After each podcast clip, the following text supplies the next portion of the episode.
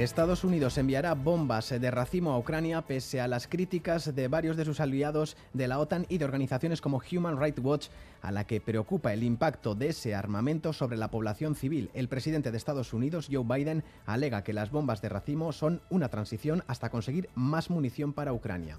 Uh, Una decisión difícil, decía Biden. Ucrania promete que no usará las bombas de racimo en zonas urbanas. Y en la frontera entre Irún e Endaya, cientos de ciudadanos se han concentrado a ambos lados de la valla que cierra el puente peatonal Avenida junto a representantes institucionales y políticos para denunciar la decisión del gobierno francés de volver a cerrar este paso fronterizo. Escuchamos a José Antonio Santano, Cote Cenarro, alcaldes de los dos municipios fronterizos. No tiene sentido, a mí me parece que es una vergüenza y esto tiene que quedar eh, dicho aquí alto y claro y creo que debemos seguir dando pasos aquí en Madrid, en París, en Bruselas. Es escandaloso porque es, están arreglando entre París y Madrid cuentas que nosotros no debemos y UEMA reclama un nuevo marco legal ante la ofensiva judicial contra el euskera. Así han calificado las últimas sentencias. 125 alcaldes y electos de la Mancomunidad de Municipios Euskaldunes han criticado al Tribunal Constitucional por hacer una lectura muy torpe de los derechos lingüísticos. Ireitz Lazcano. Golpe handia da, inolaz ere onartu ezin dugun. Oldarraldi erantzun juridiko sendoa behar. Egin dezagun bat, lor dezagun Euskararen sustapenean urrats erabakigarriak egiteko lege esparru eraberritu bat. Badago premia, badaukagu erantzukizuna.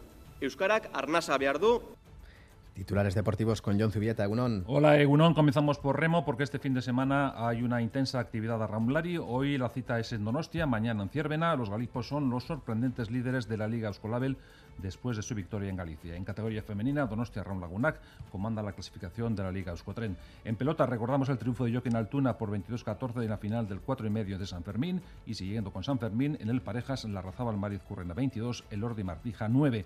Asimismo, este mediodía se disputará la final femenina con Arrizabalaga Osés y Zabaleta Gaminde frente a frente, emitido por ETV. En el Tour de Francia disfruta de la séptima etapa finalizada ayer en Burdeos, que deparó el triunfo de Philipsen de Alpecin, que desbarató la oportunidad que tenía Cavendish de superar la marca de triunfo de Merckx. Además, Vingegaard sigue de líder, Mikel Landa como mejor vasco está a casi seis minutos en la undécima plaza. Hoy se disputa la octava etapa que termina en Limos. Por lo que respecta al fútbol, la Real se medirá al Girona el sábado 12 de agosto a las 5 de la tarde en el Real Arena y el equipo de Arrasate al Celta en Balaídos el domingo 13 a las 17 horas.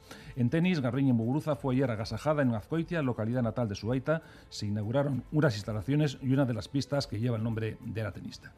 Ayer vimos otra tarde de tormentas y lluvias en una jornada sofocante, tormenta en Iruña, que a punto estuvo de obligar a suspender varios eventos programados en Rada. Por ejemplo, la de ayer fue una tarde caótica. Itzi Armalón, alcaldesa de Rada ha empezado a caer un montón de granizo, unas bolas pues la palma de la mano, se han empezado a llenar todas las tuberías de desagüe, ha empezado a salir todo hacia arriba, corrales, patios tenemos con 25 centímetros de agua, se ha llevado unos contenedores del final del pueblo hacia el barranco y están ahí en el barranco, hay tejados que se han que se han estropeado, se han roto y goteras dentro de las casas, han entrado el agua por las ventanas, por los bajos de las portaladas de los garajes, la piscina es un caos, han caído árboles. Hoy el tiempo se estabiliza, Euskalmet, en Ayera Barrio de Gunón. Egunon, hoy esperamos un tiempo plenamente veraniego y el ambiente se mantendrá soleado durante buena parte de la jornada. En cuanto a las temperaturas, tenderán a bajar en la mitad norte gracias al viento de componente norte que soplará durante la tarde. Así, a pesar de que todavía hará calor, las temperaturas en la vertiente cantábrica se quedarán por debajo de los 30 grados. En Álava y buena parte de Navarra, sin embargo, el calor será hoy más acusado y esas máximas se moverán entre los 30 y los 35 grados. A últimas horas del día la nubosidad irá aumentando y no descartamos alguna llovizna en el norte durante la noche, incluso algún chubasco aislado en el nordeste. Por lo tanto, aunque por la noche la nubosidad podrá aumentar, durante el día el tiempo será soleado con temperaturas veraniegas. De la parte técnica se encargan Asier Aparicio y Jesús Malo. Son las 8 y 9 minutos. Vamos con la campaña electoral.